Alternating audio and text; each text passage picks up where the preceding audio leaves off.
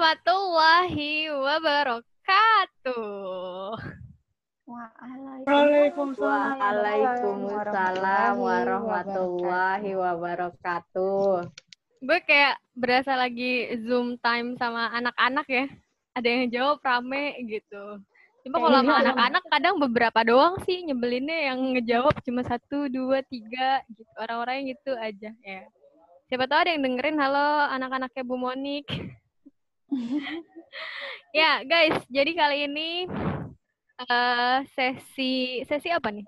Sudut pandang yang baru membawa teman-temanku yang lain yang udah lama kita ketemunya sebenarnya. Dan ini adalah siapakah mereka? siapa ya? Siapa sih kalian tuh siapa sebenarnya? Jadi mereka iya. orang-orang yang kayaknya kangen banget sama gue gitu. Karena sudah lama kita tak bertemu. Karena sudah lama tak bertemu. Jadi mereka ini Iya, iya kangen, kangen. Jadi mereka ini adalah teman-teman sekosan. Kita dulu uh, deketnya sebenarnya pas dari ketemunya di kampus, kita satu kelas uh, ya satu kelas terus kita satu kosan juga dan yang ngebuat deket mungkin itu ya pas kita mulai di kosan. Kenalan dulu dong, ada siapa aja? Silahkan dari inisial yang pertama masuk, Eka Melinda. Assalamualaikum, perkenalkan nama saya Eka Melinda. Biasa dipanggil Kamel. Iya. Kamel sekali Monika. Oke oke. Ya Eka Melinda ini dia temen bobo gua. Nyesel gua bau. Jadi dia satu kamar sama gue waktu kos ngekos.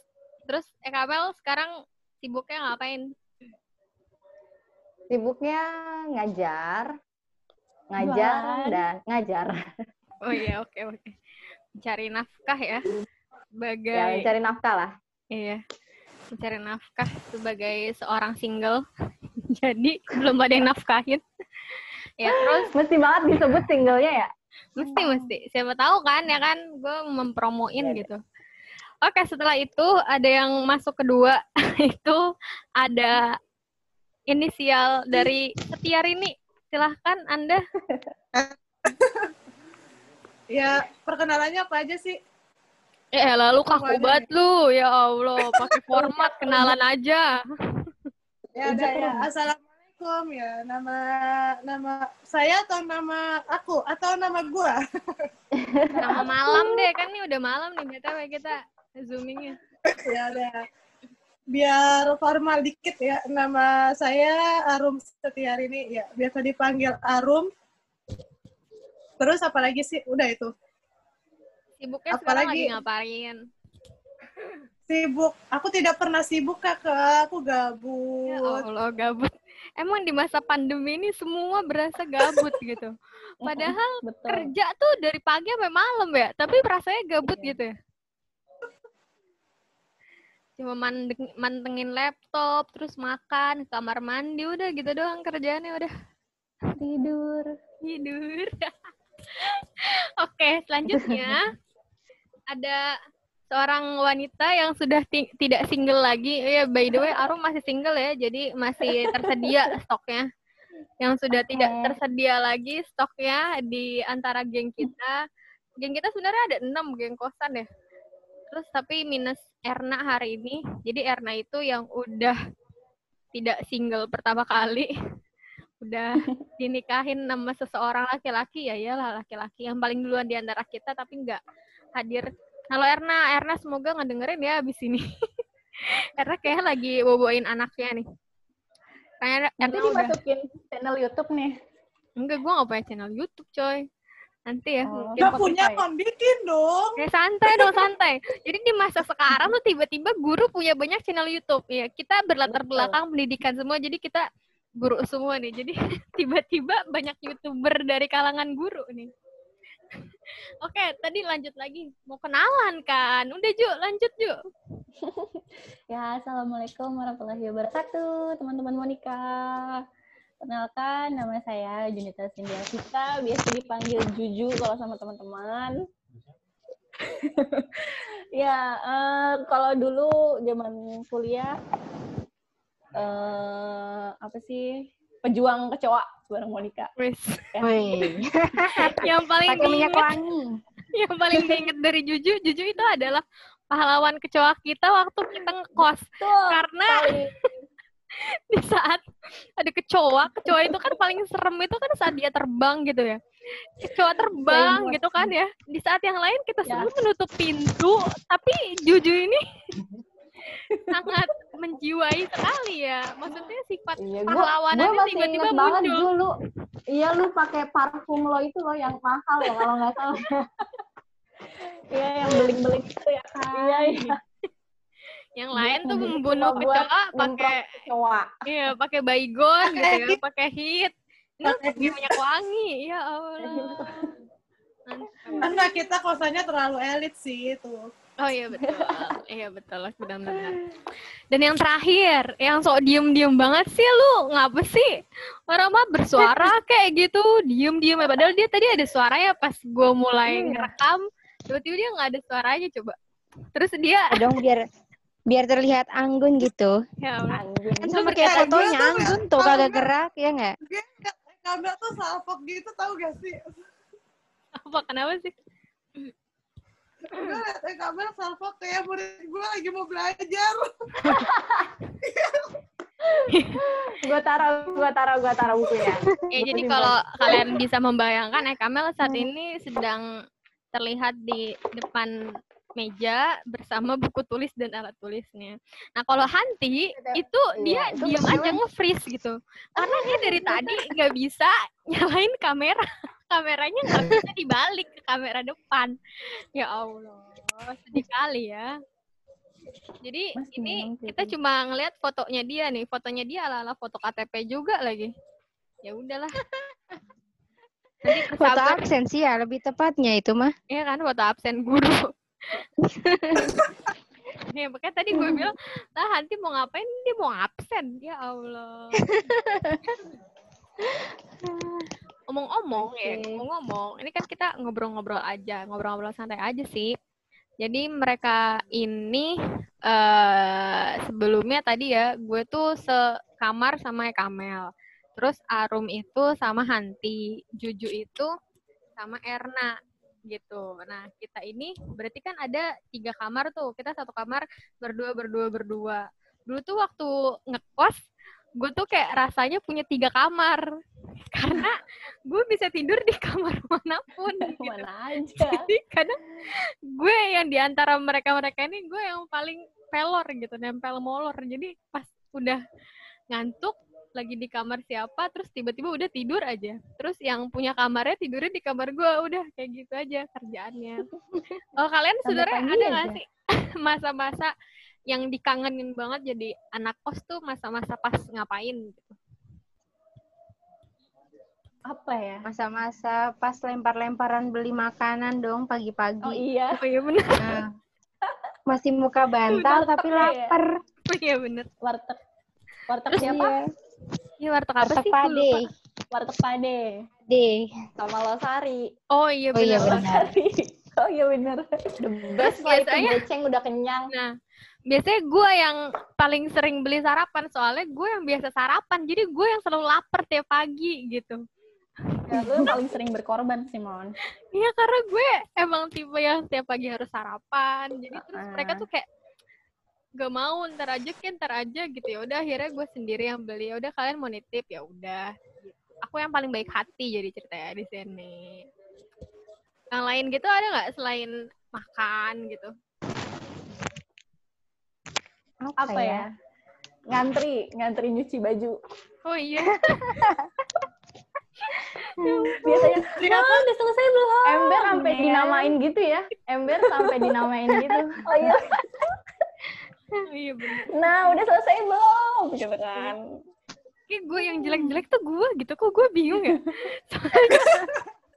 ini Eh, ini bagian baik Mam. Tadi lu berkorban mengantri untuk Oh, iya. makanan itu baik. oh ya yang tadi enggak jadinya kalau yang tadi tuh kayak kelihatannya gua yang anaknya laperan gitu loh. Nah kalau ini gua yang paling lama nyuci baju gitu, gue yang paling lelet. betul sekali. Terus tadi gue juga udah buka aib tuh gue pelor juga ya Allah. Gitu lah ya. Jadi sebenarnya banyak banget eh, pengalaman-pengalaman kita sebagai anak kosan walaupun kalau gue sama Ekamel tuh kita cuma setengah sama satu semester doang ya, bawa ya? Cuma enam bulan, setengah sampai. Dua Pas kayaknya skripsi deh. lah, pas ini ininya semester akhir gitulah. Nah iya pas skripsi kan gue sama Kamel itu mau niatannya mau ngekos itu buat menyelesaikan skripsi ini ya kan. Nah terus udah nih mereka kelar nih skripsi kan. Nah terus udah pada kabur, pada cabut tuh dari kosan. Sedangkan gue satu-satunya yang belum kelar skripsi. Jadi oh my god, ya ampun. Ya udah alasan gue tuh jadi kayak tidak tidak ada solusinya karena gak kelar juga walaupun walaupun gue udah ke kelas selama satu semester tapi ternyata skripsi gue tetap gak kekejar gitu ya udah akhirnya mereka Tapi waktu itu lu nggak ngekos lagi kan ya? eh habis itu gue ngekos lagi jadi gue Heeh. ternyata lulusnya karena bukan karena ngekos ya karena gue nggak ngekos gitu tidak bisa dijadikan Kalian nggak ngekos. Iya. Terus masa-masa kuliah itu kan pasti kangenin banget ya sih? Kayak kita kuliah empat tahun gitu ya kan. Beda banget gitu pasti sama masa-masa sekolah. Yang ngebedain masa-masa kuliah sama masa-masa sekolah sama sekarang deh sama masa-masa kerja. Itu yang ngebedain itu apa sih menurut kalian? Bebas. Bebas. Ya, lebih free kalau masa kuliah. Mm-mm. Betul. Free dalam artian kita free dalam bergaul, kita mau main ke mana Betul. aja gitu kan, apalagi ngekos gitu. Jadi mau main sampai jam 12 malam juga kayaknya ya udah biasa-biasa aja gitu. Beda kalau di rumah sama orang tua kan lebih susah gitu. Itu sih yang bedain gitu. Jadi kurang lebih kita anak-anak malam ya. Kalau gue, gue basicnya, basicnya kayak gitu. kalau gue bedanya kalau dulu pas kuliah gue punya waktunya banyak, tapi gue nggak punya duit. Sekarang gue punya duit, tapi nggak punya waktu. Gak punya waktu. Ya, itu bener Itu- banget sih. Ya, itu permasalahan Iya, seseorang yang udah memasuki tahap-tahap kerja gitu ya. Iya sih benar. Dulu kayak kita bisa kayak ke mana aja tuh kayak kuy kuy kuy kuy gampang banget gitu ya. Iya, Ya, paling mentoknya di duit kan kalau kita iya tuh. benar. Heeh. Nah, gue gak ada duit nih, udah bensin aman lah gitu kan. Iya minimal gitu sih. Nah Ya, kalau untungnya, nggak, gue cari peringatan dulu lah. nah iya betul. Nah untungnya, untungnya tuh setelah eh, apa sih namanya? Nggak untungnya juga sih maksudnya pas setelah lulus kuliah ya ternyata kayak gini ya ngerasainnya. Oh ternyata waktunya jadi makin sempit ketemu teman-teman jadi makin berkurang gitu. Ngerasa nggak sih kalau misalnya udah masuk ke lingkungan kerja gitu. Jadi lingkaran pertemanan kita makin sempit atau kayak Betul biasa aja? Ya pasti makin sempit lah, kan. Jarang ketemu teman, rumahnya juga jauh-jauh gitu kan. Jadi lebih berasa sih kalau di situnya. Iya sih. Jadi kayak teman-teman juga udah jarang ketemu lagi. Iya. Guys, eh, sorry, gua close dulu ya zoomnya ya. Nanti gua masuk lagi. Oke, oke. ya? Oh, maaf ya. Kita memang memang obrolannya memang se kayak gini gitu apa adanya obrolannya. Hanti Ya, gimana apaan Han? sih? Ini tadi dulu deh. Iya, apaan sih lu mau keluar apa Apa? kagak? Eh, si eh, juga lu. galau banget mau zoomnya? keluar aja. Tadi dulu, tadi dulu. Kalau lu gimana? Ya, kami nggak bisa keluar Zoom. Apanya? Bedanya, Iya. bedanya itu ya waktu, terus juga benar sih lebih freelance. Jadi ibaratnya kita kuliah itu kan jadwal ngatur sendiri. Oh, nggak bisa ini, misalnya ada magang atau ada apa, ada kerjaan, bisa cari dosen yang yang jadwalnya bisa. Terus habis itu pulangnya masih bisa nyambi ngerjain yang lain-lain. Tapi kalau udah eh, zaman sekolah SMA itu kan emang kita udah terpantang ya apa jam sekolah gitu kan. Dan kalau udah kerja pun sama, udah paten tuh jam sekian sampai jam sekian udah mantengin kerjaan ya meskipun sekarang WFH tapi tetap kan megangin laptop ya paling-paling istirahat karena ketiduran ya kan gitu tetap mantengin laptop dan sebagainya jadi kayak ya ya gitu sih apa ya yang enggak apa yang enggak bebas itu Oke, oke. sih menurut gue Kalau kalau Arum Rum, ya Arum lu Iya. lagi apa yang dia tuh jadi lagi multi multi apa sih namanya? Multitasking. Tasking ya, lagi multitasking gitu sebenarnya gue paksa supaya tetap ikut di podcast gue gitu. Kalau misalnya lu ngerasa Tadi apa? Pertanyaannya Mon? Ulang-ulang. Iya, maksudnya eh, kan kayak lingkaran pertemanan tuh semakin sempit gitu ya. Lu merasa nyaman dengan hal itu atau lu kayak merasa kehilangan dengan hal itu gitu? Kalau gue terkait pertemanan ya, kalau gue ya se gini gue mikirnya pasti ketika kita masuk lingkungan baru, ntar kita pasti dapet teman baru gitu nggak sih? Kalau gue sih mikirnya kayak gitu. Nah, kalau terus ya udah gimana caranya gue di lingkungan baru itu beradaptasi aja sih. Cuma ya tetap kalau yang sama teman-teman lama ya tetap komunikasi, ya at least lewat WA atau lewat IG atau sebagainya gitu sih paling.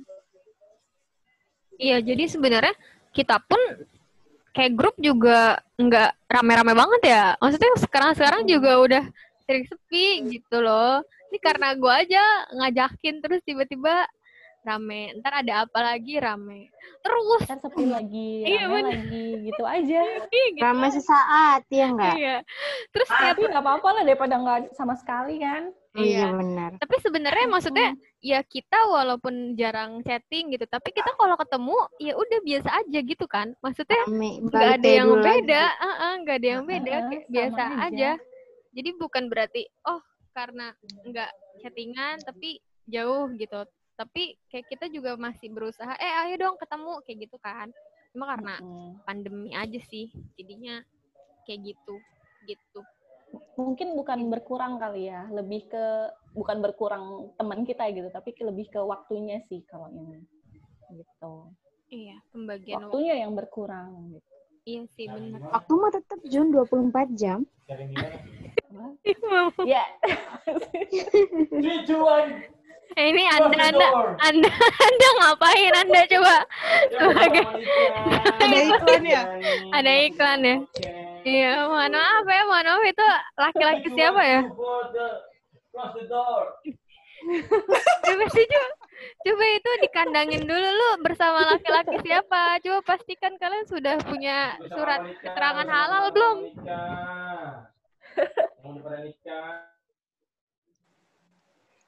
Apa juta dulu mau ngomong apa tuh? Lupa kan lu?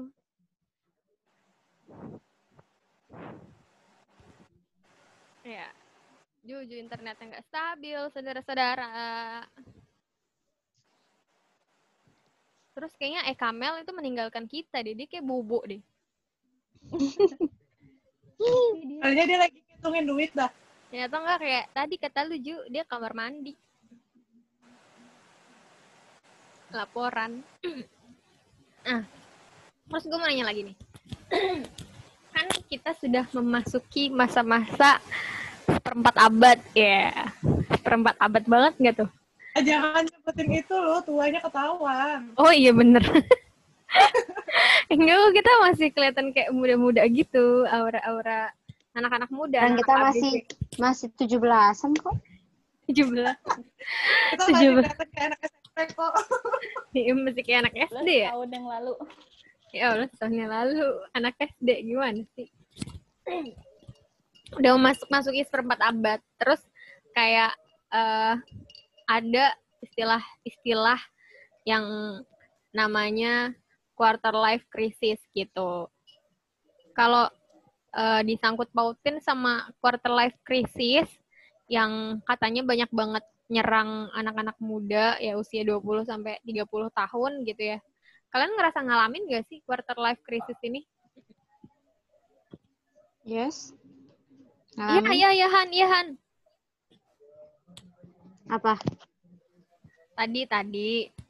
Quarter Hmm. life crisis. Lu ngerasa Iya, nggak ngalami. mengalami itu? Mengalami. Mengalaminya gimana tuh? Hmm. Mana ya? Karena ya kita biasa ada di zaman sekolah itu kayak yang kayak berjenjang. Ya kan? Habis SD, SMP, SMP, SMA, SMA, kuliah, kuliah, lulus kerja. Nah, setelah di kerja ini kita kayak ya udah gitu, nggak ada sesuatu yang menyamaratakan antara setiap orang. Jadi seakan-akan kalau kita dulu nih patokannya oh udah lulus, oke. Ya, jadi kayak udah gitu kan patokannya di situ. Tapi kalau kerja kan apa ya patokannya? Cuma kayak kita mendengin kehidupan orang kehidupan orang yang mungkin bagi mereka mereka juga ngerasain capek. Tapi bagi kita ih kok asik banget ya jadi mereka. Gitu. Kayak gitu sih kayak gitu. Tuh lebih kayak gitu sih ngerasainnya. Terus juga apa ya tapi itu cuma cuma sebentar sih. Cuma kalau kita lagi ngerasa lelah capek sama aktivitas kita aja. Jadi kayak ngerasa wah mereka kok kayaknya asik ya. Mereka kok kayaknya udah sampai ada di titik pencapaiannya mereka ya gitu. Itu sih menurut gue. Ya, oke, oke. Jadi karena kadang kita terlalu ngeliat ke atas kali ya. yes betul Kadang ngerasa, ya ampun gue tuh kok baru segini-segini aja gitu. Mm, betul betul Lalu gimana, Ju? Ngerasa nggak? Ngerasa mengalami nggak? Emang apa sih itu quarter life crisis? yang yang lu maksud tuh apanya gitu? Iya, kalau quarter life crisis nih, se sepahamnya gue, sepahamnya gue tuh kayak lu lagi masa di mana di mana eh, lu sedang berada di masa ketika lu kayak lagi kebingungan mencari jati diri lu sendiri. Maksudnya gue tuh mau ngapain sih? Kayak gitu istilahnya. Gue tuh eh terus kayak ngerasa ya tadi kayak katanya Hanti kok gue segini-segini aja ya? Kok gue kayak jalan di tempat ya? Sedangkan orang lain tuh kayak udah hidupnya bertingkat kayak gitulah. Jadi kayak kegalauan kegalauan tentang hidup kegalauan kegalauan tentang karir dan sebagainya gitu Lu ada dua. Nah, kalau itu mah pasti ya, pasti semua orang kan ngalamin yang namanya quarter life crisis gitu kan. Terlebih ketika kita udah masuk umur 20-an ya, apalagi sekarang kita udah 25-an nih. Pasti lah jadi pasti sebut. Apa? Jangan disebut Jangan disebut. Oke, guys. ya. Kita kan udah masuk ke masa-masa yang kayak gitu ya, udah pasti sih ngalamin hal-hal yang bikin kita bingung, bikin kita susah buat nemuin jati diri gitu. Sama, gue juga pernah ngalamin hal-hal kayak gitu. Bahkan di sampai saat ini pun kayak nanti gue ke depannya mau gimana ya? Gitu. Cuma ya lebih ke maaf guys, kita maknai sih, kita maknai apa yang kita jalanin sekarang gitu. Sebisa mungkin kita jalani dengan baik. Lebih bagus lagi kita bisa berkembang lebih dari yang sekarang gitu. Gitu sih. Yang penting dimaknai sih kalau menurut gue. mantap jiwa kalau lu kan ini Ju maksudnya di antara kita berenam nih setelah Erna sayang banget sih Erna nggak ada gitu karena gue pengen banyak nanya eh banyak nanya kepada Erna dan Juju juga kan sebagai salah satu dari enam itu dua yang tercepat memutuskan untuk nikah gitu istilahnya Ju. Kenapa bisa kayak tiba-tiba oh iya nih gue emang udah waktunya gitu. Hmm, gimana ya? Lebih ke prinsip ya udahlah kan udah ada gitu. Jadi nggak usah lama-lama. Oh, gitu. sih lama-lama? Lu pengen ngejar apaan lagi gitu. Oh. Toh dengan berdua pun kita bisa ngejar bareng-bareng kan ibaratnya Iya. gitu. Kalau misalnya terlalu lama kan takutnya nanti ya kita kan nggak tahu ya eh, hati orang tuh kayak gimana yang bisa dibolak-balikan gitu. Siapa tahu kalau nanti terlalu lama ternyata gue mengalihkan hati atau dia mengalihkan hati, berarti kan kayak gitu ya. Nah, Bagus itu takut lu kabur-kabur ya. Ada bagus tuh kan di habis kan. ya iya. Itu sih yang mendasari ya udah sih ngapain gak usah lama-lama gitu. Toh kehidupan kita berdua pun sama aja gitu. Pas sebelum nikah sama sesudah nikah ya gue ngejar ini, dia juga ngejar ini gitu kan. kita sama-sama ngejar ya udah kita kejar bareng-bareng aja gitu daripada kejar sendiri-sendiri gitu kan Mantap jiwa. Oh, jadi lu ngerasa ah, nggak ada suatu perbedaan yang signifikan gitu. Maksudnya antara lu udah nikah sama sebelum nikah itu enggak terlalu ada. enggak sih enggak sih. Pengembangan diri masih tetap berusaha lah buat dilakuin gitu. Ya bedanya sekarang udah hidup berdua gitu kan. Ibaratnya gua ada yang ngurusin dia juga diurusin sama gua gitu kan. Bedanya di situ aja sih. Tapi kalau misalnya dalam mencapai tujuan ya lebih ke bareng-bareng sih saling supportnya gitu. Ya Ini. enak lah gitu lah. Iya. Jadi mungkin yang nggak, bisa gue sebenarnya tuh masih jijik gitu loh kalau misalnya mendengar Junita dan Bagus itu saling meman- memanggil Mas cuma gue nggak sempat Iya, bilang ya. sebenarnya karena emang mereka berdua itu ya temen kita satu lingkaran sama kita Junit sama Bagus jadi kayak rada aneh gitu ya iya sama-sama teman Mm-mm. sekelas jadi kayak ngedengernya apaan sih Jo gitu geli banget gitu. mungkin lo kalau Iya, jadi itu- gue juga bakal gitu sih iya pasti sih kayak gitu. Oke oke. Terus gue mau nanya ke Ekamel, Ekamel, lu gimana bau? Eh, apa deh tadi pertanyaannya? Sorry, gue juga baru join ini kan. So so so soan lu. Tadi udah ny- nyatet gitu. Enggak. Apa tadi pertanyaannya? Iya, maksudnya lu mengalami enggak fase-fase quarter life crisis gitu. Oke, quarter life crisis ya. Eh, gua rasa hampir semua orang ya hampir ya, ya sebagian besar Iya, pernah sama. mengalaminya dan alhamdulillah gitu, gue diberi kesempatan untuk merasakan itu. eh kayak gue lebih ke apa ya?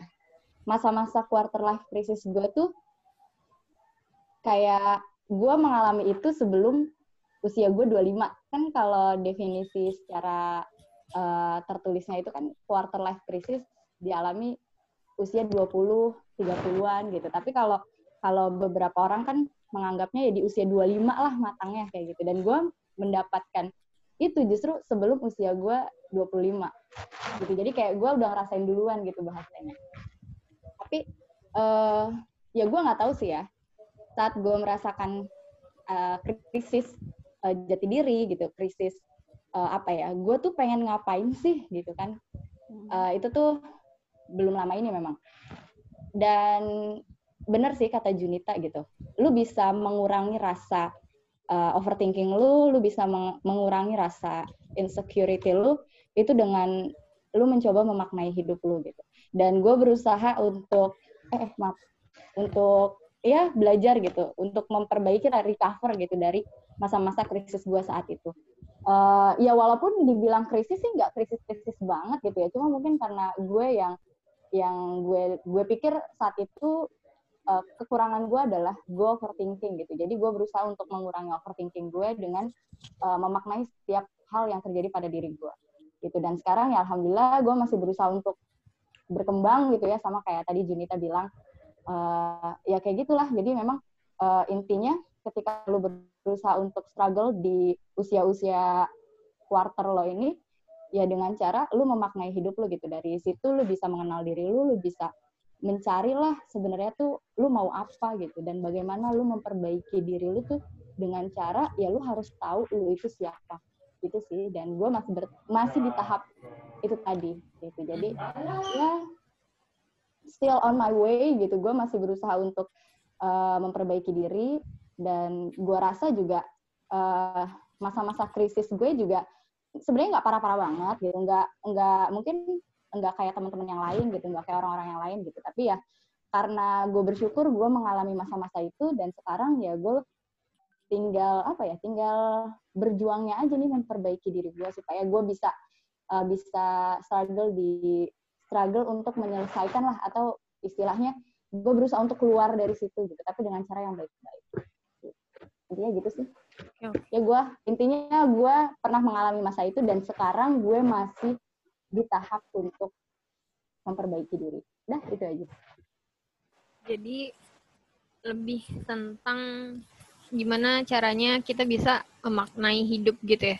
Jadi kalau waktu itu gue tuh kayak pernah baca gitu di salah satu akun Instagram cara terkecil kita buat memaknain hidup itu kayak misalnya cara terkecilnya kayak lu makan tapi ya udah lu makan tuh makan aja tanpa lu sambil nonton YouTube tanpa lu sambil ngebuka Instagram. Jadi lu menikmati saat makan-makan lu dan lu rasain tiap makanan yang masuk ke dalam tubuh lu itu salah satu cara memaknai hidup juga kayak gitu. Dan gue kayak oh my god. Padahal gue kalau makan tuh kayak harus sambil nonton YouTube gitu. Itu Hmm. kebiasaan. Dan kayak jatuhnya ya udah tiba-tiba makanan habis gitu nggak sih? Kalau misalnya kita sambil nonton atau Iya, sambil kayak ngapain nggak berasa kita makan gitu kan. Nah, Nah, Gitu. itu. Mm-mm. itu salah satu hal kecil kecil sih yang waktu itu gue oh iya sih eh iya ya dan masih berusaha untuk menghilangkan itu Arum nih Arum Yo, nyot. ya lu jangan nanya lagi gue mau nanya apa ini semuanya sebagian lagi sama pertanyaannya Tentang KLC ya, masih tentang KLC kan ya? Tadi gue lagi agak fokus sama penjelasan yang lain. Oke. Tentang KLC, kalau pribadi gue sendiri ngalamin KLC atau enggak, ya gue sih ngalamin juga sih, karena ya di saat, mungkin kalau gue ngalamin, apa ya, gimana ya, kalau kayak, karena apa ya, karena ya gue masih bingung gitu ya sama sih tentang ada istilah sawang sinawang kalau nggak salah ya. Jadi kita kayak membanding-bandingkan hidup kita dengan orang lain, gitu kan ya. Nah kalau ya mungkin karena itu juga karena pengaruh dari medsos atau apa pun gitu kan. Jadi kayak kok dia umur segini udah bisa ini ini ini, sedangkan gue belum nyampe situ gitu. Jadi kayak gue pengen kayak gitu ya sama cuma ya jadinya ya benar tadi kita yang kita perlu itu jadi harus memaknai apa yang kita punya. Mungkin orang lain yang mandang hidup kita ya pengen juga kayak kayak kita gitu. Seperti itu sih. Jadi intinya ya bersyukur aja untuk mengatasi KLC itu. Itu bersyukur, Bersyukur. itu penting banget ya. Berarti kalau kayak gitu maksudnya yang salah satu poin yang gue tangkap juga medsos tuh sebenarnya berpengaruh juga ya sama pola pikir kita Kalau bisa iya. dihapus, mending dihapus sih sebenarnya. Hmm, gimana dong susah banget ya gue tuh masih sering banget buka IG Bener. status ya Ya Allah kalau kalau masih di jalan yang baik dan membuat diri lo lebih baik, ya nggak apa-apa gitu kan. Kadang Iya. kita yang salah itu kita salah menggunakannya gitu. tapi gue mau nanya deh Eh, jadi kan gue gini maksudnya eh, misalnya ada gue punya temen gitu kan misalnya terus gue ngerasa status statusnya dia tuh kayak status-status yang kayak yang nggak penting entah yang ngomong isinya curhatan-curhatan. Tau lah ya kalau orang lagi sebel sama orang kan sekarang orang suka ini kalau sebel sama orang curhat di medsos kayak gitu. Yang kayak gitu kayak gitu yang bisa dibilang apa yang dia posting tuh kebanyakan tuh negatif tapi itu dia teman kita gitu istilahnya dan gue nggak punya masalah sebenarnya sama dia misalnya gitu terus akhirnya gue memutuskan untuk nge-unfollow dia itu menurut Mm-mm. kalian gue salah apa enggak Ya enggak lah, IG-IG lu kan. Simpel itu ya. Mau ngapain? gitu kan.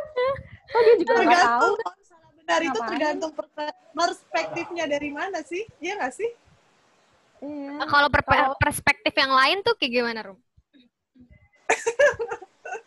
Jadi ya kalau menurut gue itu ya subjektif juga kan. Ter- tergantung perspektif ya kalau menurut perspektif orang-orang yang cuek atau orang-orang yang mungkin kayak gue sendiri mungkin ya nggak salah tadi. Benar kata Juju ya medsos medsos lu medsos medsos lu gitu.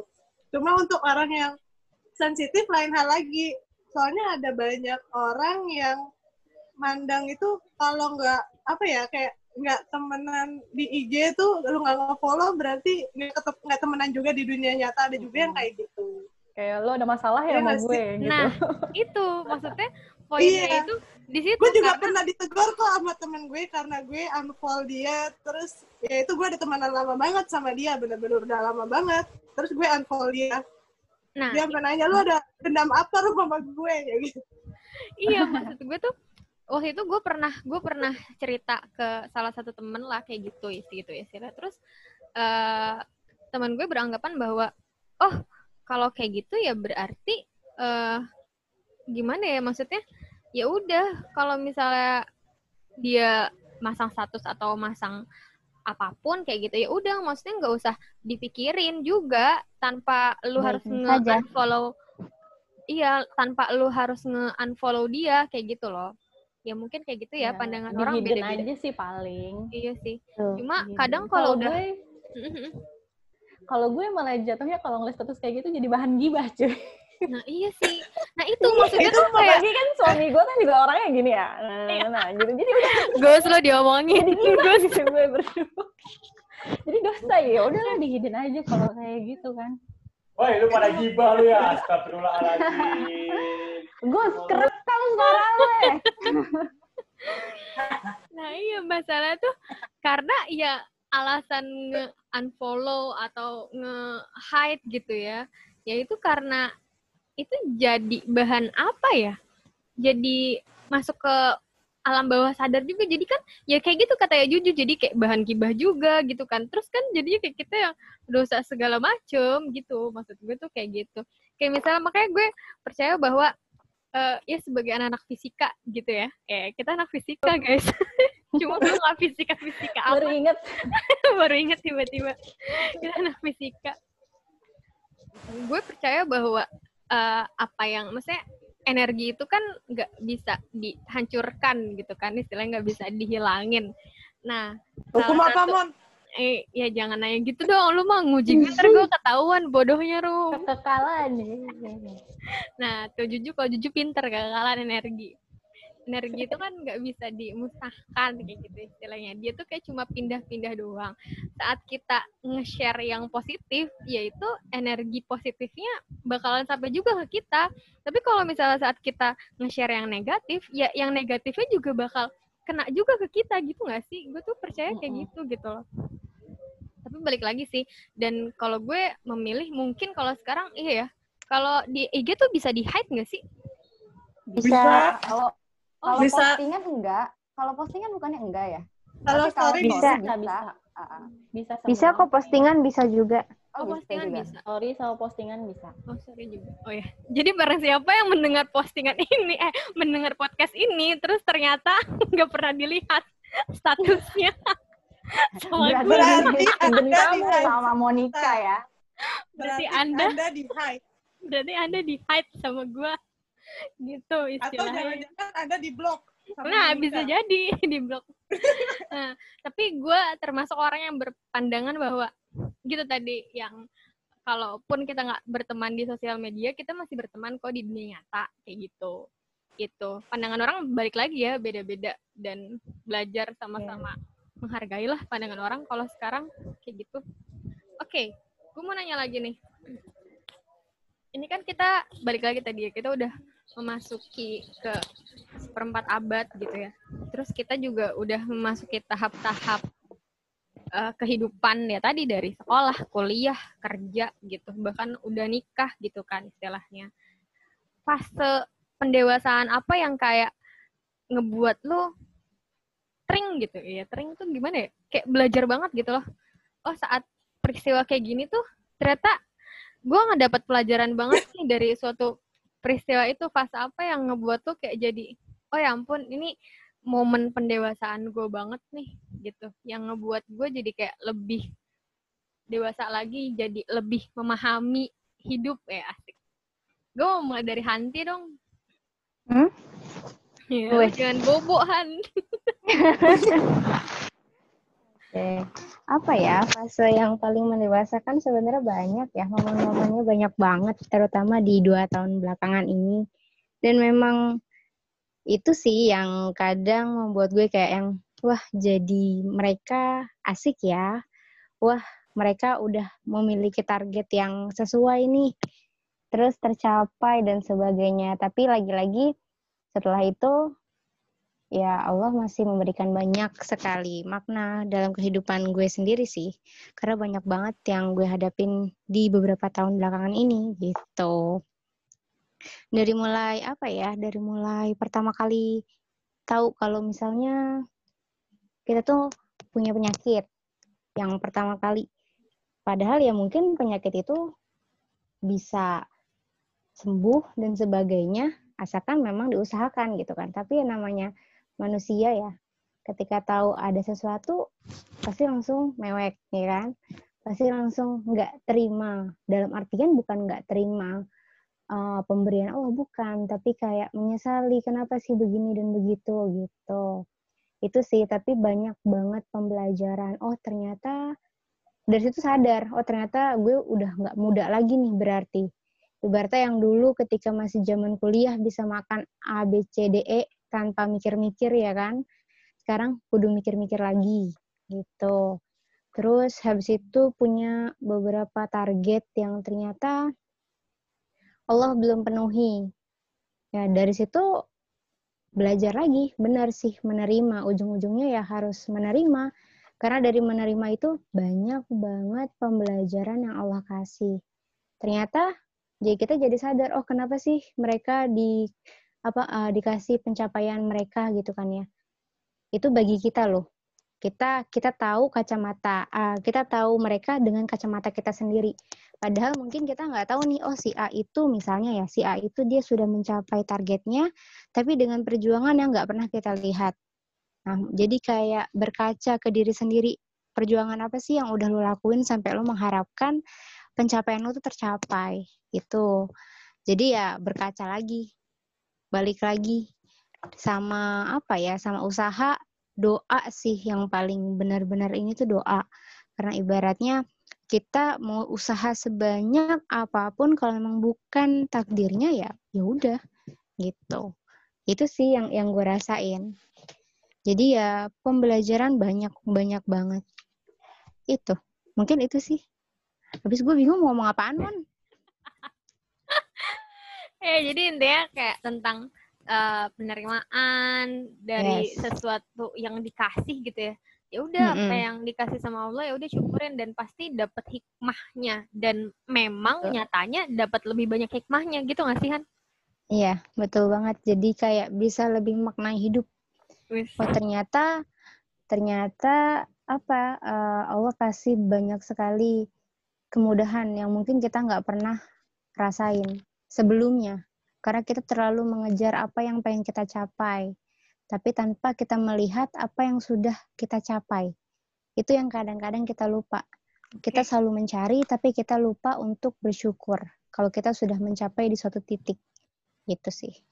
Mantap, mantap. Ini baru mendapatkan ya akhirnya manfaat ya akhirnya yang gue ajakin ngobrol kita nggak gibah ya. Alhamdulillah. Terima kasih banyak loh Han atas jawaban. Oke. Okay. Iya, kalau... tapi maaf ya kalau nggak sesuai, habisnya bingung gue mau ngomong apa. Ya nggak apa-apa, maksudnya itu kan sesuai dengan pengalaman pribadi yang gue maksud yes. juga Betul. dari pengalaman pribadi. Kan pasti fase pendewasaan kita beda-beda lah, karena kita kan punya Betul. pengalaman hidup yang beda-beda juga. Arum, arum, arum ketawa-ketawa baik. Uh, gue gue lagi. Kan gue bilang gue gue sambil yang lain tadi. Iya gue diduain di sini guys. Emang udah biasa gue diduain. Ya Allah nauzubillah jangan sampai astagfirullahaladzim. Tadi nanya apa pulang mana itu lu uh, pernah punya fase pendewasaan apa di hidup lu yang ngebuat tuh kayak benar-benar gue gila ini pelajaran banget ya emang kayak gitu. Terus kayak ngebuat lu jadi Setiap lebih dewasa gue mau jawab setiap proses dan pengalaman yang gue dapatkan adalah proses pendewasaan. Ya, gue kesel. kesel gue dengernya malah jadinya. Kalau gitu lu ntar cerita nih, ini isinya ntar cerita hidup lu dari TK sampai sekarang nanti jatuhnya. Uh, maksud gue kayak momen tertentu gitu Iya, ayo Satu Jangan, gitu. Uh, uh, sebagai IPK terbesar dan mahasiswa cum laude. Jangan malu-maluin lo. kan gue berusaha untuk jadi orang bijak, Mon. Biasanya kan bijak, tadi nggak bijak. ya, apa ya? Banyak, Mon. Beneran tadi. Itu jawaban gue yang benar gitu. Jadi setiap yang udah gue lalui ya, ya emang pas saat gue lalui ya maksudnya setiap masalah yang di- ada di depan gue atau setiap masalah yang gue hadapin ya pasti itu ada proses untuk menjadikan gue lebih dewasa gitu baik masalah yang gue hadapi langsung sendiri atau masalah yang ada di sekeliling gue kayak gitu sih Masalahnya Atau apa? Maksudnya gue masalahnya. Terus lu kayak, oh dari masalah ini ternyata gue bisa mengambil hidup ini. gue terlalu gitu. banyak masalah mau Nah, gimana dong Ya udah satu, Rum, satu. Kayak terlalu banyak satu coba. Tahu lu. apa ya apa ya gue jadi bingung yang mendewasakan gue Oh, Arum gak pernah punya masalah ini emang kayaknya. enggak saking banyaknya bingung mau ngebagi. Apa dong? apa ya kalau Ya yang baru-baru ini ya, aja gitu misalnya. apaan Ju masalah Ya apa kek? Nih jujur nih udah mulai mancing-mancing nih. Seneng gue. Mancing nih aku, mancing Ya. sambil minum air. Mancing mania, mancing. bingung gue masalah ya kayak kalau tadi kan nanti sharing udah banyak tuh terus oh kerja mungkin gue kali ya dikit, Rum. Ya. Gue dikit. Hah? Gue dikit, tambahin lah. oh mungkin Kiki itulah. saat-saat yang menjadikan gue dewasa mungkin saat-saat menerima mendapatkan pekerjaan yang tidak gue harapkan kali ya. Itu sih paling karena ya emang gue kan dulu emang gue kuliah kan pendidikan ya. Tapi setelah gue lulus ya gue nggak mau jadi guru aslinya. Terus ternyata Allah ngasih gue untuk jadi guru gitu.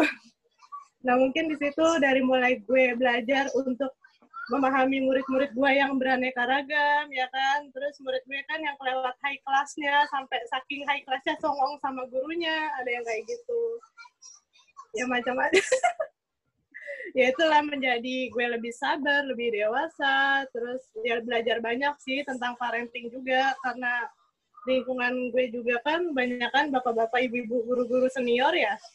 Dikit yang muda tuh jadi ya itu belajar dari mereka juga terus pas mereka sharing itu sih Jadi itu emang paling lingkungan kerja juga mempengaruhi ya karena kita sebagai guru juga jadinya kita otomatis juga belajar parenting ya nggak sih tadi juga Iya, katanya harus sih.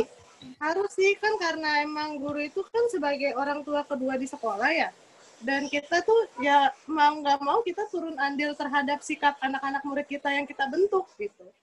Dan dari situ kita juga harus belajar banyak. Iya sih betul betul betul.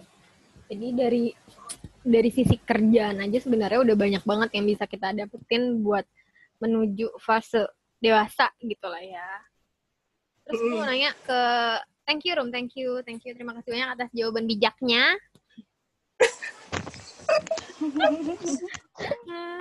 gue lanjut gue nanya Kamel. Soalnya dia udah matanya tuh udah ngantuk-ngantuk. Dia dari jam 8 udah ngantuk. Gue izin ke toilet dulu ya guys. oh iya boleh boleh. Kayak murid gue lu pakai izin dulu. Oke, gue berusaha untuk menjawab berdasarkan ya perspektif gue ya. Kalau tadi kan Arum sama Hanti udah ngejelasin gitu bahwa setiap proses dalam kehidupannya adalah ya pendewasaan diri gitu. Ya memang pasti setiap dari kita berpikir demikian. Cuma masalahnya gue kok merasa belum dewasa ya. jadi gue kadang gue mikir, jadi apa sih sebenarnya masalah yang membuat gue dewasa gitu? Jadi kalau balik lagi ke pertanyaan awal, kan ada nggak sih eh, momen atau suatu hal yang membuat lu menjadi dewasa ya nggak sih bau? Tadi pertanyaan Iya, ya proses ha-ha. pendewasaan lah nah, intinya kayak gitu. Ya sebenarnya mungkin di setiap masalah gue itu adalah proses menuju pendewasaan gitu menuju suatu titik yang namanya dewasa. Tapi sayangnya gue belum mencapai itu gitu.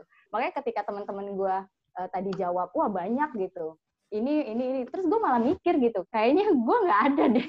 Gue jadi malah kebalikannya gitu karena menurut gue eh, pendewasaan atau proses menuju dewasa tuh definisinya tuh eh, banyak banget ya gue pernah nyatet gitu karena bagian dari self healing gue saat gue berada di eh, quarter life crisis dewasa itu kalau menurut gue ketika lu bisa terbebas dari overthinking, lu bisa menerima, terus lu bisa apa ya istilahnya memilih gitu. Ketika lu terlepas dari keraguan, terus lu sadar gitu. Terus lu ketika ada masalah, lu langsung mencari solusi gitu. Terus lu berhenti membandingkan diri lu ke orang lain. Itu banyaklah eh, parameter-parameter uh, seseorang itu dikatakan dewasa. Dan menurut gua uh, kalau dari hal yang tadi gua sebutin, intinya sih gua bisa menjadi dewasa ketika gue tuh apa ya ketika gue itu sudah memiliki independensi mental dan keberanian. Sayangnya di beberapa masalah terakhir gue nggak mencapai titik itu gitu. Jadi sebenarnya mungkin di masalah itu uh, gue diberi kesempatan untuk dewasa gitu. Cuma uh, kodarullah gitu gue belum di tahap demikian. Sampai uh, sampai terakhir sih terakhir yang gue merasa uh, ketika masalah itu datang ke gue gue merasa lebih tenang gitu itu mungkin uh, satu-satunya masalah yang membawa gue menuju ke tahap pendewasaan. Itu ketika gue di kerjaan lah ya gitu. Kayaknya masalah kita nggak lepas dari kerjaan kan. Ketika uh, gue punya trouble di di masalah di masalah kerjaan lah gitu. Gue punya trouble di lingkungan pekerjaan gue dan di mana orang-orang itu uh, kayak semacam menyarankan bahwa gue tuh harus begini gitu. Hampir semua orang itu menyarankan gue harus begini bahkan sampai pimpinan-pimpinan gue di sana pun menyarankan demikian gitu. Tapi dengan apa ya itu tadi ya gue berusaha untuk menjadi dewasa saat mengalami masalah itu akhirnya gue punya uh, pilihan di luar dari pilihan orang lain. Sebagian besar orang-orang itu menyalahkan sih kayak semacam bukan menyalahkan ya lebih ke menyayangkan pilihan gue tapi entah kenapa ketika gue memilih uh, itu gue merasa lebih tenang kayak gue merasa gue punya keberanian dan ya gue merasa independen gitu. Jadi akhirnya di situlah satu-satunya menurut gue ketika gue dapet masalah gue merasa gue dewasa dan gue merasa mencapai titik pendewasaan itu. Itu cuma satu-satunya satu-satunya masalah dan kebetulan masalahnya baru beberapa bulan terakhir pas kenaikan eh pas tahun ajaran baru mungkin sebagian ada yang pernah dengar uh, kisah gue gitu. Mungkin nanti kalau ada kesempatan ya kita bikin podcast khusus Ekamel ya masalah-masalahnya Ekamel banyak soalnya Oke. Gitu. Masalah Dan itu, Kamel uh, ya, episode jadi- satu, masalah Kamel episode dua. Oke siap. jadi, jadi tapi di antara masalah-masalah gue yang lain cuma cuma satu masalah itu yang menurut gue gue berhasil berada di apa ya berada di tahap itu tadi gitu gue berada di tahap ya sedikit kurang gue sudah menuju ke pendewasaan di masalah-masalah yang lain gue belum mencapai itu soalnya gitu gue kayak masih berkutat pada overthinking ujung-ujungnya walaupun gue menerima masalah gue gue berusaha untuk menja- mencari solusi dari masalah gue sebelum-sebelumnya tapi tetap aja gitu gue mental gue tuh masih belum dewasa gitu. Mental gue belum independen gitu. Jadi ya gue gue belum bisa memutuskan bahwa masalah-masalah sebelumnya tuh membuat gue dewasa. Mungkin iya menjadikan gue belajar gitu tapi untuk ke tahap menjadi dewasa belum. Nah terakhir alhamdulillah ya itu tadi yang gue ceritain ya. Jadi satu kayaknya baru itulah yang gue merasa gue ada masalah tapi gue tenang. Tapi di masalah-masalah yang lain gue nggak pernah tenang soalnya. Jadi ya kurang lebih itu tadi. Dan gue bersyukur uh, gue masih berada di pekerjaan itu walaupun orang-orang uh, menyayangkan gue berada di sana. Tapi alhamdulillah gitu gue berusaha untuk menyelesaikan masalah gue dengan cara gue sendiri. Gitu. Dan itu menurut gue adalah tahap pendewasaan yang yang yang udah lumayan lah ya gitu. Walaupun banyak orang yang menyelesaikan masalahnya jauh lebih baik. Oke. Jadi kalau menurut lu tahap pendewasaan ya ini ya balik lagi eh, versi dewasa antar orang-orang tuh beda dan mungkin tiap orang punya parameternya masing-masing kayak gitu. Cuma kalau yang gue tangkap itu eh, proses pendewasaan lo itu yang lu bisa yang lu tadi ceritain adalah saat lu bisa ngambil keputusan tanpa eh, atas apa ya campur tangan orang lain Iya, tanpa campur tangan orang lain gitu. Jadi lu bisa ngambil keputusan tanpa oh ya udah, walaupun orang lain punya ngasih saran atau ngasih gimana, cuma kan yang bertanggung jawab atas diri kita ya diri kita juga. Jadi yang ujung-ujungnya ngambil keputusan kita tetap harus mementingkan diri kita juga gitu. Oke. Ya, walaupun walaupun penting juga ya saran dan masukan orang lain itu ya penting lu dengerin gitu tapi tetap lu harus sadar bahwa diri lo eh, ya atas kehendak lo gitu jadi jangan sampai lu menyesal dan lu menyalahkan orang lain gitu. Lebih baik lu menyesal dan lu menyalahkan diri lu gitu. Iya nggak sih? Maksudnya uh, lebih ke yang kalau ada orang lain yang campur tangan dalam hidup kita, dalam uh, dalam keputusan gitu ya. Kalau keputusan kita salah, ada sedikit apa sih rasa kita menyalahkan orang lain. Tapi ketika kita berusaha untuk uh, apa ya? Maksudnya kayak sorry sorry untuk benar-benar kita mengambil keputusan itu uh, dari kehendak kita ya sudah baik itu salah maupun benar keputusannya ya lu cukup men, apa sih cukup diri lu aja yang tahu kan gitu. Jadi cukup diri lu yang merasakan gitu nggak nggak ada istilahnya lu nyala nyalain orang lain. Itu sih intinya. Tetap saran orang lain tuh perlu tapi kehendak dan kendali diri lu ya ada pada diri lu sendiri.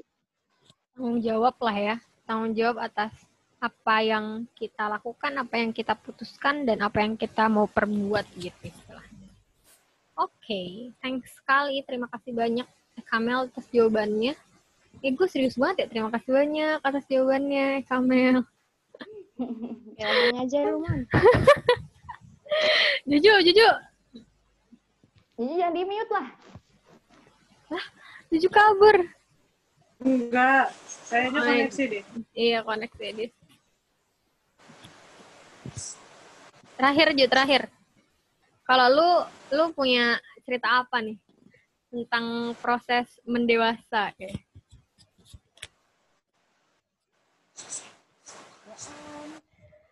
Kerjaan udah pasti, tapi kalau gue pribadi itu dimulai ketika awal-awal kerja sih sebenarnya. Tapi bukan ke fase kerjaan ya, bukan dalam hal lingkungan kerja, lebih ke lingkungan keluarga sebenarnya gitu kita di sini semua anak anak pertama ya kalau Kamal kan satu-satunya kita semua anak pertama ya nggak sih iya mm. betul iya, iya.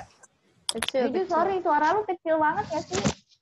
Iya, Ju. Tes. Iya, Ju. Nah, tes. gitu. Makanya dari tadi gue megangin kayak gini, Ju. Gue. Pak Eser, gue gede. Bentar, aku deketin dulu. Ya, ya kita semua di sini anak pertama ya kan? Mm -mm ya satu-satunya juga ada ya Kamal. Uh, pendewasaan yang gue alamin itu waktu dimulai ketika awal-awal kerja ya.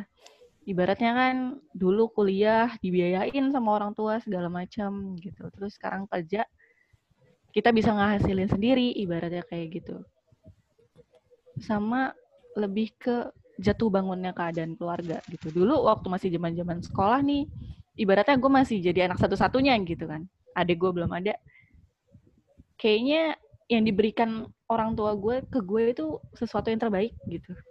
Terus ketika keluarga sempat jatuh kok kayak gimana ya? Gue sempat dibilangin sih sama bokap gue waktu itu udah kamu fokus aja sekolah gitu. Nggak perlu mikirin ini segala macam gitu. Biar ini urusan mama sama bapak gitu.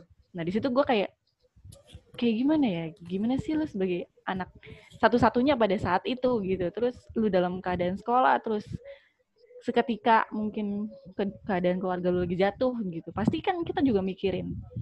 Cuma waktu itu emang belum ada adik gue nah terus pas kerja mulai pas gue kerja mulailah tuh ditata eh, ngebangun keluarga lagi gitu supaya lebih baik ya kan. Cuma yang gue lihat di sini adalah eh, lebih ke adik gue sih gitu. Dulu gue dikasih ibaratnya ya, dulu gue dikasih baju sama nyokap gue tuh baju dari mall ini loh gitu. Ibaratnya yang cakep gitu, yang bagus gitu.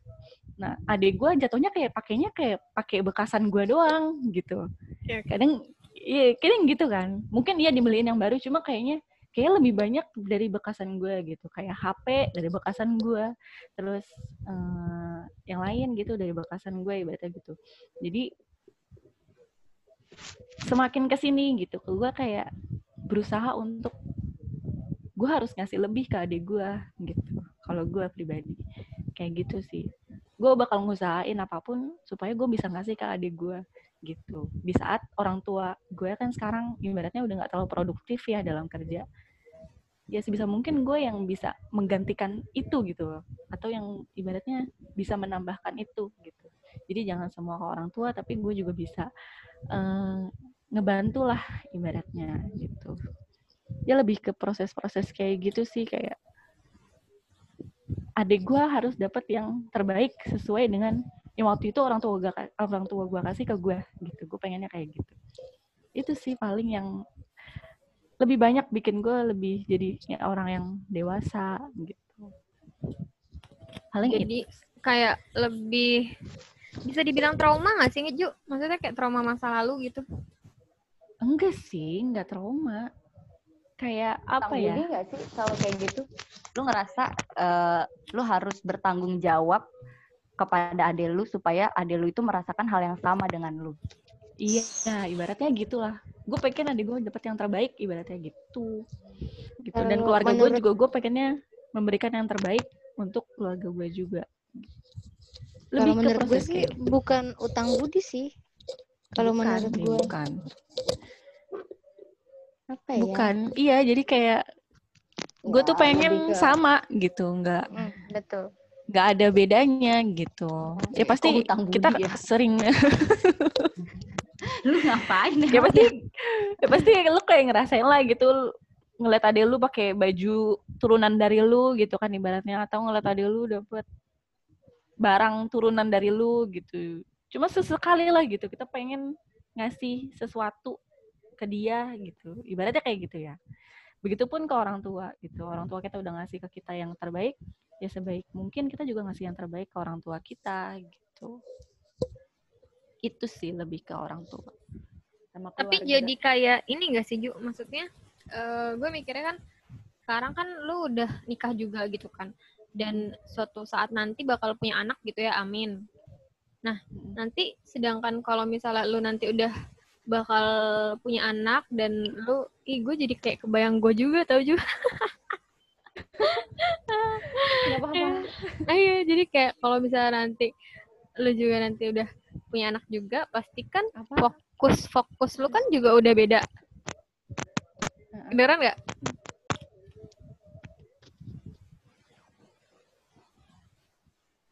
jadi Juju kayaknya, Juju kayaknya koneksinya deh.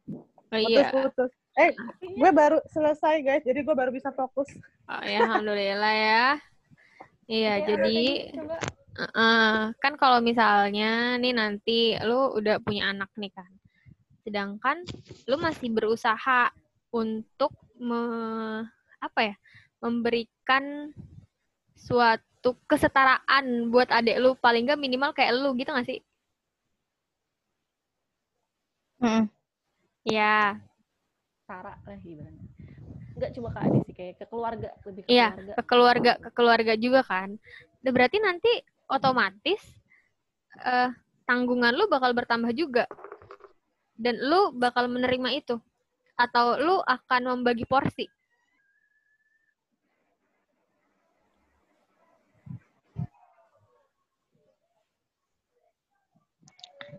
Jun, Ya, unmute dulu. Inilah, inilah jarak jauh tuh kayak gini kita.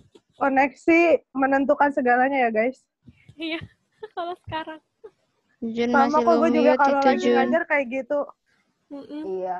Tadi gue mau cerita dulu, gue sempet live group, eh live group, live zoom karena ada notif. Kalau gue pakai kuota, eh maksudnya kalau kuota gue habis dan gue pakai pulsa biasa, ya beberapa menit Oh tadi itu Jadi kayak gitu. gue bikin paket lagi dulu ya karena gue karena tahu ya eh, zoom meeting kan butuh koneksi yang kuat, jadi gue pakai Telkomsel Betul. dan tadi sempet tadi sempet kaget karena eh, apa namanya itu tadi kuota gue habis dan pakai pulsa normal oh my God. Ya Tapi oke apa gue udah udah berusaha untuk handle lagi lanjut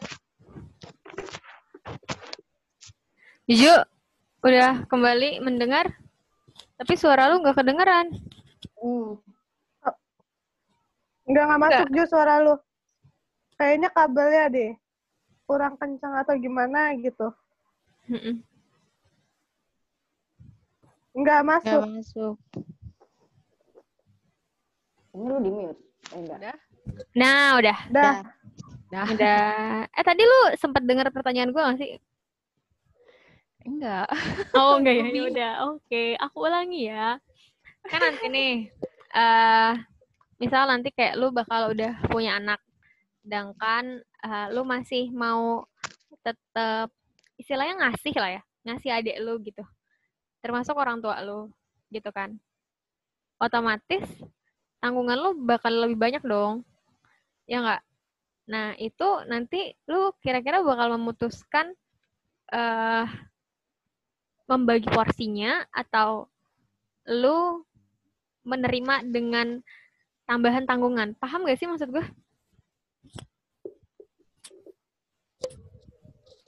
Kalau ini sih harus kalau gue pribadi ya udah harus diplot-plotin sih dari awal gitu. Jadi emang ini khusus buat ini, ini khusus buat B, khusus buat C, kayak gitu. Di sekarang sih udah udah mulai belajar hal-hal kayak gitu ya yang namanya manajemen kayak gituan. Udah udah punya plotannya sendiri. Kalaupun nanti insya Allah ada tambahan tanggungan, ya berarti kan harus ada yang mungkin persentasenya dikurangi gitu. Tapi tetap ibaratnya harus bisa kebagian lah gitu Oh, semaksimal mungkin sih gitu. Jadi lebih ke ngebagi porsi gitu ya. Mm-mm, Bagi bagi porsi. porsi-porsinya sama me- mungkin ada beberapa hal yang harus dikurangin gitu porsinya. Iya, ya kan kayak misalnya makan nih, misalnya makan. Seminggu lo ngabisin misalnya 300 ribu misalnya. Itu lo udah pakai ayam, udang, ikan segala macam ya turunin lah sedikit, turunin sedikit misalnya jadi dua setengah atau berapa ada yang dikurangi, tapi dengan gizi yang bisa nyukupin, ibaratnya kan kayak gitu. Gila ya. Ya, sama aja, kayak makan ibaratnya kan gitu. jiwa. Heeh. Iya. Itu sih guys, dicatat itu ya, dicatat ya. Nah itu juga salah satu proses pendewasaannya Junit. iya bener sih Jen. bener. Dulu biasanya Kayak sering ke pasar makan gitu kan. Apa? Dulu biasa- eh, kita dulu bisa cuma makan di warteg ya sekarang lu udah bisa membagi porsi antara makanan begitu mantap jiwa Jun Iya dong, harus Kalau- bisa itu. Kalau dikaliin nih kalau dulu kita makan goceng. Ya kan ya? kali tiga Paket dikali tiga, lima belas, lima belas dikali Kali- seminggu berapa? Lima belas kali tujuh. Jangan malu-maluin kita anak fisika. dua Jangan malu-maluin anak fisika lu. Eh, Lima belas kali tujuh. Oh Iya. my god. 105 mon, 105. Oh, 105.000. 105 ya. Ju, lu mending pindah ke Rawamangun, Ju, deket sama warteg Iya. Pade. Nanti suami gue protes coy kalau gue beli warteg mulu. Iya bener. Terus kayak bagus nggak cukup ya porsi goceng itu. Ya tau lah ya. Sekarang kayak juga nggak goceng ya. Beli enak, ngapa harus warteg? Apa sih dia ngomong apa? Apa katanya Katanya tadi? selama masih bisa beli enak, masak enak, kenapa mesti di warteg gitu. Oh. susah. Warteg juga enak, Gus. Enggak tahu sih, selera orang. Itu, iya bener. Tadi harus dari awal dibagi porsinya segala macam. Ya sama lah kayak kayak eh, pembagian kita ke keluarga, ke keluarga inti kita gitu, ke anak-anak mungkin nanti ya kan. Udah harus bisa dibagi porsi. Gue juga lagi belajar sih sebenarnya gitu. Makanya sekarang gue tuh nyiapin dompet gitu loh. Dompet yang isinya tuh dari tanggal 1 sampai tanggal 30 itu ada semua. Heeh, jadi diplotin, oh tanggal 1 karena lu baru gajian ya kan, lu bisa belanja makanan 150 ribu misalnya kayak gitu. Jadi tanggal 2, Tanggal 3 ya. berkurang lama-lama. Iya. Tanggal Iya, muda di gitu. mana baru gajian itu rasanya ingin foya-foya. Iya bener. Iya, gitu. Tiba-tiba miskin Oh, aja. Gajian satu koma. Tanggal satu udah koma. Allah. Iya gitu. Ya samalah gitu kayak makanan. Kayak kita makan. Gizinya yang penting cukup. Tapi dikurangin dikit dananya ya nggak masalah gitu. Iya, bedanya ini nih. Jadi tetap mempertahankan gizi gitu. Heeh. Ya, Apa sih bagus? Tiba-tiba dia ngikut-ngikut tapi suara nggak jelas. Iya emang. Gue juga Lu kalau ngikut gitu. sekalian lu, ya Allah. Iya orangnya nampak sekalian gitu. Ah. Sekal Siapa bagus? itu suaranya doang kayak ada bisikan-bisikan goib gimana gitu Ju. Iya bener. Gue kalau marahin anak murid gue kalau misalnya nggak nyalain kamera, mana kamu? Suara apa mana kamu itu kamera dinyalain? Coba itu hitam Eh doang. sama murid sama dikasih. murid gue gitu. Kadang murid Betul. gue lebih licik gitu loh mon. Jadi gini dia ngefoto zoom diri dia sendiri, terus habis itu diganti jadi foto di itunya di zoom ya tau nggak sih mon? Iya, tapi ntar ketahuan kan soalnya kayak nge-freeze gitu. Iya, dia, Dia diem nge-freeze gitu. aja. Tapi ada yang lebih pintar gitu ya. lagi. Iya, Hmm. tapi ada yang lebih pintar lagi. Jadi video mon, jadi change profile picture kan suwe ya kan. Emang Anak sekarang. Lebih pinter ya mereka ya. guru sekarang harus lebih cerdik dan cerdas. Ini gitu kalau tadi dulu kalau anak-anak Monica sendiri gimana nih? deh. Kayak balikin ya. Oh, gue ditanya. nanya mulu ya. Gue ditanya gue. Gue ditanya juga. Iyalah. Hmm, gitu. Kalau lu sendiri Monica gimana? sudah terlalu dewasa. Wes, gila-gila. Gue udah terlalu dewasa. Maksud lu apa muka gue? Tadi kan ada yang quarter life crisis itu juga lo belum belum menyampaikan isi hati lo ya kan. Terus yang proses pendewasaan lo di saat-saat kayak gimana itu juga belum. Cobalah sekarang. Gue tahu jawabannya Monica. Monica itu nggak pernah ada masalah, guys. Lo tau Lo nggak tahu aja, Rum. eh, gak tau aja Rum ya. Sebenarnya kalau pertama ya, kayak quarter life crisis. Kalau dibilang entah apa karena gue yang nggak ngerti quarter life crisis, gue sok-sokan aja kan nanya kalian. Padahal gue sendiri nggak ngerti. Gue tahu, Mon, demi konten kan lo. demi konten enggak sebenarnya gue gue suka baca gitu quarter life crisis tuh sebenarnya kayak gimana sih kalau berdasarkan yang gue suka baca-baca poin-poinnya ya ada beberapa hal yang yang sama kali ya. Yang ada beberapa hal yang oh gue pernah nih mengalami hal ini tapi nggak semua gitu. Dan menurut gue tuh eh gue tidak. Dan mungkin kita kebanyakan gitu. Karena apa ya? Karena gue ngerasa kita tuh satu frekuensi gak sih? Maksudnya kayak eh, kita semua yang ada di sini kebanyakan orangnya yang cuek-cuek gitu ya nggak sih Enggak, kecuali amat. Hanti. oh iya benar Hmm. ya iya iya Lu itu doang, jadi bau yang cuek tuh lu doang. oh yang cuek gue doang yang bodoh amatan gue doang ya iya jadi beberapa banyak di antara kita sebenarnya orangnya kayak yang cuek-cuek gitu dan gue ngerasa ya gue mengalami kecemasan mengalami eh, hal-hal yang menurut gue normal tapi gue nggak sampai mengalami krisis gitu loh. Ngerti nggak sih maksudnya? Kalau Hmm. sampai eh, kalau dibilang mengalami quarter life crisis nggak tahu gue yang nggak ngerti secara utuh atau kayak gimana ya. Karena ya gue ada mas ya kita semua ada masalah gitu. Terus tapi ya udah kayak gitu. Maksudnya nggak yang sampai berlarut-larut berlama-lama terus kayak sampai bingung gue harus ngapain kayak gitu. Gue sih alhamdulillahnya tuh nggak sampai kayak gitu. Yang gue rasa gitu ya. Tapi nggak tahu nih apa gue aja yang kagak ngerti gitu ya. Sebenarnya gue juga mengalami itu gue nggak tahu.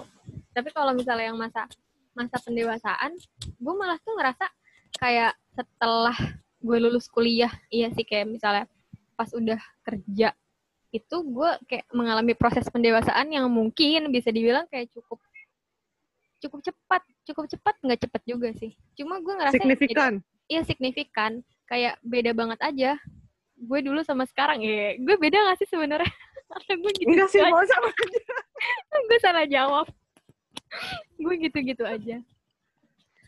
Eh, gue ngerasanya apa ya? Mungkin kalau sekarang gue lebih bisa menerima pandangan orang. Jadi kalau dulu mungkin gue kayak apa sih lu nggak sama sama gue berarti lu salah. Ngerti gak sih? Kalau sekarang tuh gue kayak oh eh, lu nggak sama sama gue oh ya udah oke kita beda. Dan kalau beda itu nggak apa-apa gitu loh. Jadi gue kayak lebih menerima ke sana kayak gitu. Tahap-tahap pendewasaan gue terus tahap-tahap kayak eh apa ya eh ya tadi sih lebih banyak ke nerima sih ya. Terus kayak misalnya eh gue nggak selalu apa ya nggak mesti selalu dipandang baik sama orang. Maksudnya oh kalau misalnya ada yang memandang lu buruk juga nggak apa-apa. Karena ya itu manusia. Karena kayak kita nggak bisa ngatur seseorang nih. Kita nggak bisa mengatur perilaku seseorang omongan seseorang buat sesuai sama kita kan. Karena kan yang bisa kita atur kan cuma diri kita pikiran kita mulut kita kayak gitu. Jadi padahal tuh kenapa ya? Maksudnya kayak gue tuh padahal baik loh sama dia tapi kok dia tetap jahat ya sama gue misal kayak gitu. Dan kalau dulu tuh kayak gue kepikiran banget ih kenapa ya? Gitu. Gue salah apa ya? Kayak gitu ya. Kayaknya pas gue pikir-pikir gue kayaknya nggak salah apa-apa deh gitu.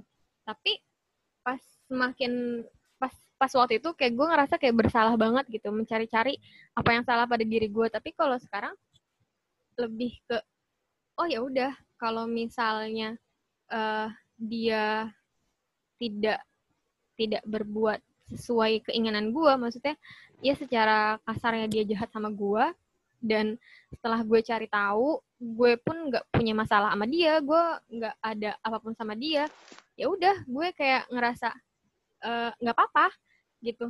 Yang ya udah kayak gitu di kayak ya udahin nggak apa-apa gitu. Ya mungkin sesekali ngerasa oh eh, sedih atau kayak gimana gitu kaget pasti ada sih. Cuma semakin ke sini tuh kayak pas udah lama-lama oh ya udah ya emang kayak gitu hidup gitu loh. Gitu sih kalau gue Dia udah Iya. heningin. Dia udah hening. Tiba-tiba hening. Terima kasih Tapi Monica. kalau gue mon Ya, dari ya. dulu dari dulu gue ya udah gitu terlalu cuek juga kali ya jadi ya udah kalau misalnya gue orang dong. suka sama gue kalau orang nggak suka sama gue ya udah Nah itu jadi kayak overthinking Udah. jatuhnya ya kan. kalau gue dari dulu emang udah ya mungkin gue nya terlalu cuek juga kali ya sama nggak terlalu peduli ya Ajarin gue dong, gue belajar kayak gitu sampai beli buku, tapi gue nggak ngerti-ngerti. Ah. lo harus langsung praktek Eh, kayak gue jadi Hanti ini terlalu perasa sebenarnya. Kita nggak punya rasa. Bukan nggak punya rasa, lu nggak punya perasaan lebih ya tepatnya. Allah, gue punya rasa. Enggak, enggak lah, Kalau gue punya rasa mungkin rasa gue gurih kali ya. Manis, asam, asam, Strawberry, mon. Coklat. strawberry, coklat. Iya, yang banget sih. Dan itu sih sebenarnya kayak eh, buku-buku yang gue baca itu pengaruh banget sih sama gue. Kayak ngebu- ngebuka pola pikir gue kayak gitu lah. Apalagi kalau gue baca bukunya kebalikan dari Hanti kali ya apa tuh mas? kalau Hanti beli buku seni bersikap bodoh amat gue seni bersikap peduli kali ke Oh ya orang bener. Bagaimana cara peduli? Lu belajar PKN aja, Rum. Waktu SD. Nah, belajar itu, gue- PKN, baca. gue nilai PKI-nya kayaknya jelek deh mon Allah, sosial lu C ya? Eh tapi emang Iya, benar sih Bau, eh, yang tadi lu bilang buku atau apa pun yang lu baca itu berpengaruh banget. Ya termasuk kayak Se- kayak gue termasuk gitu. Itu berdampak sih. sih. Heeh. Ya tergantung Seg- lu memahaminya aja bagaimana. segala Itu emang iya informasi yang segala informasi yang kalian dapat itu berpengaruh pasti. Informasi Iya, apa kan yang banyak baca, jenisnya. Apa Ya, yang apa ada yang lo di sekeliling lu? ini Apa yang gue baca? apa yang lo rasakan nanti. Gue Ya, jangan jangan salah-salah baca ya. Gue lagi baca buku politiknya si Tereli, novel-novel itu. Nanti gue jadi itu kali ya. jadi apa? Iya, jadi semakin ke sini tuh ngerasa, semakin ngerasa, gila, gue kurang ilmu banget ya, gila, gue nggak tahu apa-apa ya ternyata gitu. Banyak ilmu yang ternyata, oh, gue ternyata butuh ilmu ini, butuh ilmu itu, kayak gitu loh. Makin ke sini, gue ngerasanya proses gue tuh kayak gitu. Gitu. Ada lagi Iyalah. guys, mau di sharing-sharingin guys? Sesi sharing. Sesi sharing dibuka. Sorry ya tadi beneran gue sambil banget tadi. Jadi gue agak nggak fokus. Iya, BTW ini kan kita tuh sebenarnya eh, sebagai guru-guru gitu ya, terus apalagi yang kayak di masa masa pandemi, Pandemi. kayak gini, jadi ya kita dipaksa buat beradaptasi juga ya nggak sih? Dan gak sebenarnya nggak sebagai guru juga sih, sebagai manusia, semua manusia di dunia kita dipaksa buat beradaptasi dengan keadaan yang seperti ini.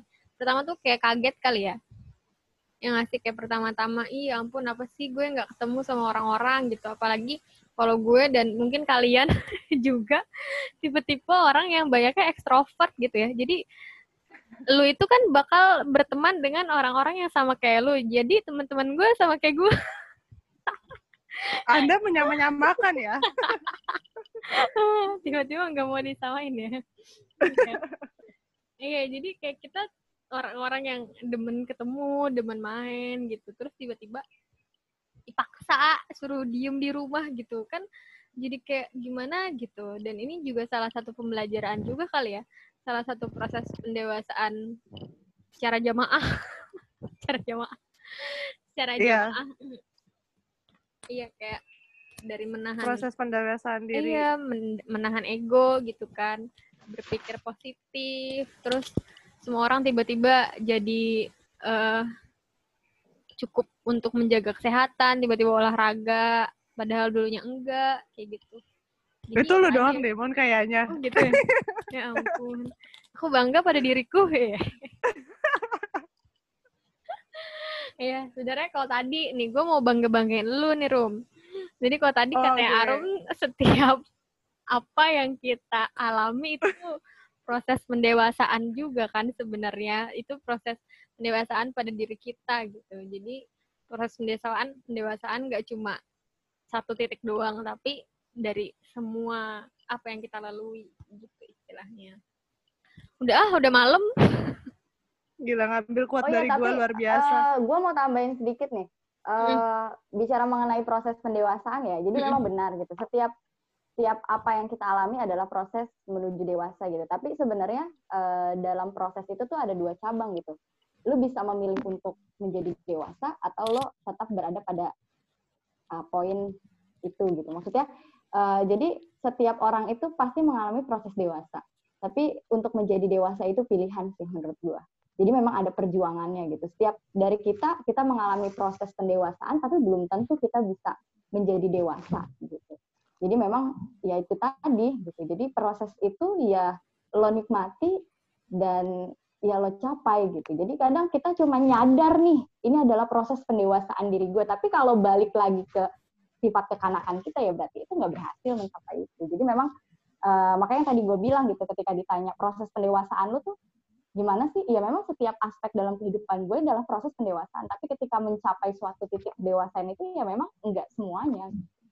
Dan dan itu gue sih nggak tahu sih lo kalau misalnya memang lo di setiap aspek itu lo berhasil menuju eh, tingkatan kedewasaan itu ya alhamdulillah gitu. Tapi sebagian orang mungkin belum mampu mencapai itu dan berusaha untuk apa berusaha untuk ya mencapai itu gitu dengan caranya sendiri. Dan yang intinya kita harus menerima. Mantap, mantap. Thank you. Gila, gila. Sepakat sama Kamel. Jadi Benar. nggak Ya jadi nggak ngantuk. Iya, Iya, tuh. iya kadang, ada, ya gue kadang pernah gue baca. juga, aduh, Iya, gue pernah baca tuh kayak tua itu pasti, dewasa itu pilihan. Iya. ya, iya. Mantap jiwa. Yang tua belum jadi tentu kadang dewasa. eh, jadi kadang ketika lo mendapatkan masalah apa maksudnya ya kalau kita dapat masalah sih it's okay gitu makanya ini juga yang menjadikan kita ketika kita mendengar masalah orang lain gitu kita jadi nggak eh, langsung menjudge orang itu gimana gimana gitu. Mungkin saat ini ya adalah proses pendewasaannya dia gitu tapi kita nggak boleh menuntut dia untuk menjadi dewasa gitu. Dia tetap ada pada pilihan itu sih maksudnya makanya tadi gue sempat share apa yang gue rasain ya karena memang itulah yang gue rasain gitu. Karena di di selama perjalanan hidup gue ya memang setiap aspek adalah perjalanan untuk menuju pendewasaan gitu tapi ya kalau dewasa itu sendiri adalah pilihan kita ya semoga teman-teman gue di sini baik-baik semuanya ya sehat-sehat selalu terus berjuang mencapai tujuan pendewasaannya Iya. apa Amin. udah Gila. ngantuk kayaknya gue mau jiwa. Wes. Gila, gila, gila. Faedah kan gue hari ini. Iya. Berfaedah biasanya sekali gue udah molor jam segini Kayak nggak gibah kan kali ini kita. Iya, Kamel biasanya kan ngajar SD malu lah ya. Iya. Nah, itu Oh, dia kan gitu, enak. tahapan pendewasaan gue mungkin di situ tapi gue masih masih belajar gue belum belum di tahap gue udah dewasa dengan mengajari anak-anak SD itu masih masih di tahap itu lah masih di tahap mencapai Bahkan kadang ya. murid kita tuh bisa lebih dewasa dari kita, ya nggak sih? Gue di sekolah gitu sih. bisa. Kadang murid gue tuh ada yang berpikir dia lebih jauh lebih dewasa dari gue. Tapi yang gue salut sendiri juga sama ya dia karena dia berpikir jauh di atas umur dia gitu. Sedangkan gue berpikir jauh di bukan- bawah umur. Iya, bukan tentang umur juga ya. Tapi ya Iya, tadi. kualitas terus proses yang dilalui. Gitulah intinya. Oke guys, Terima kasih banyak buat malam ini. Ya ampun, aku merasa terharu loh. Akhirnya kita bisa ngobrol walaupun tidak bertatap muka secara langsung. Terus kita ngobrolnya faedah ya Allah. Gue bangga sama diri gue sendiri. Baru kali ini ya, baru kali ini. Gue lah, semoga ke depannya. Iya. Mungkin ke depannya kita bisa ngebahas. Kurang-kurangin lain. berarti. Iya. Banyakin faedah. Tapi seru kan? Maksudnya ngomong-ngomongin kayak gini tuh seru ya ternyata. Asal punya topik sih. Oh ya, sampai topik. Besok-besok gue gak mau bikin topik? topik. Beda, beda orang.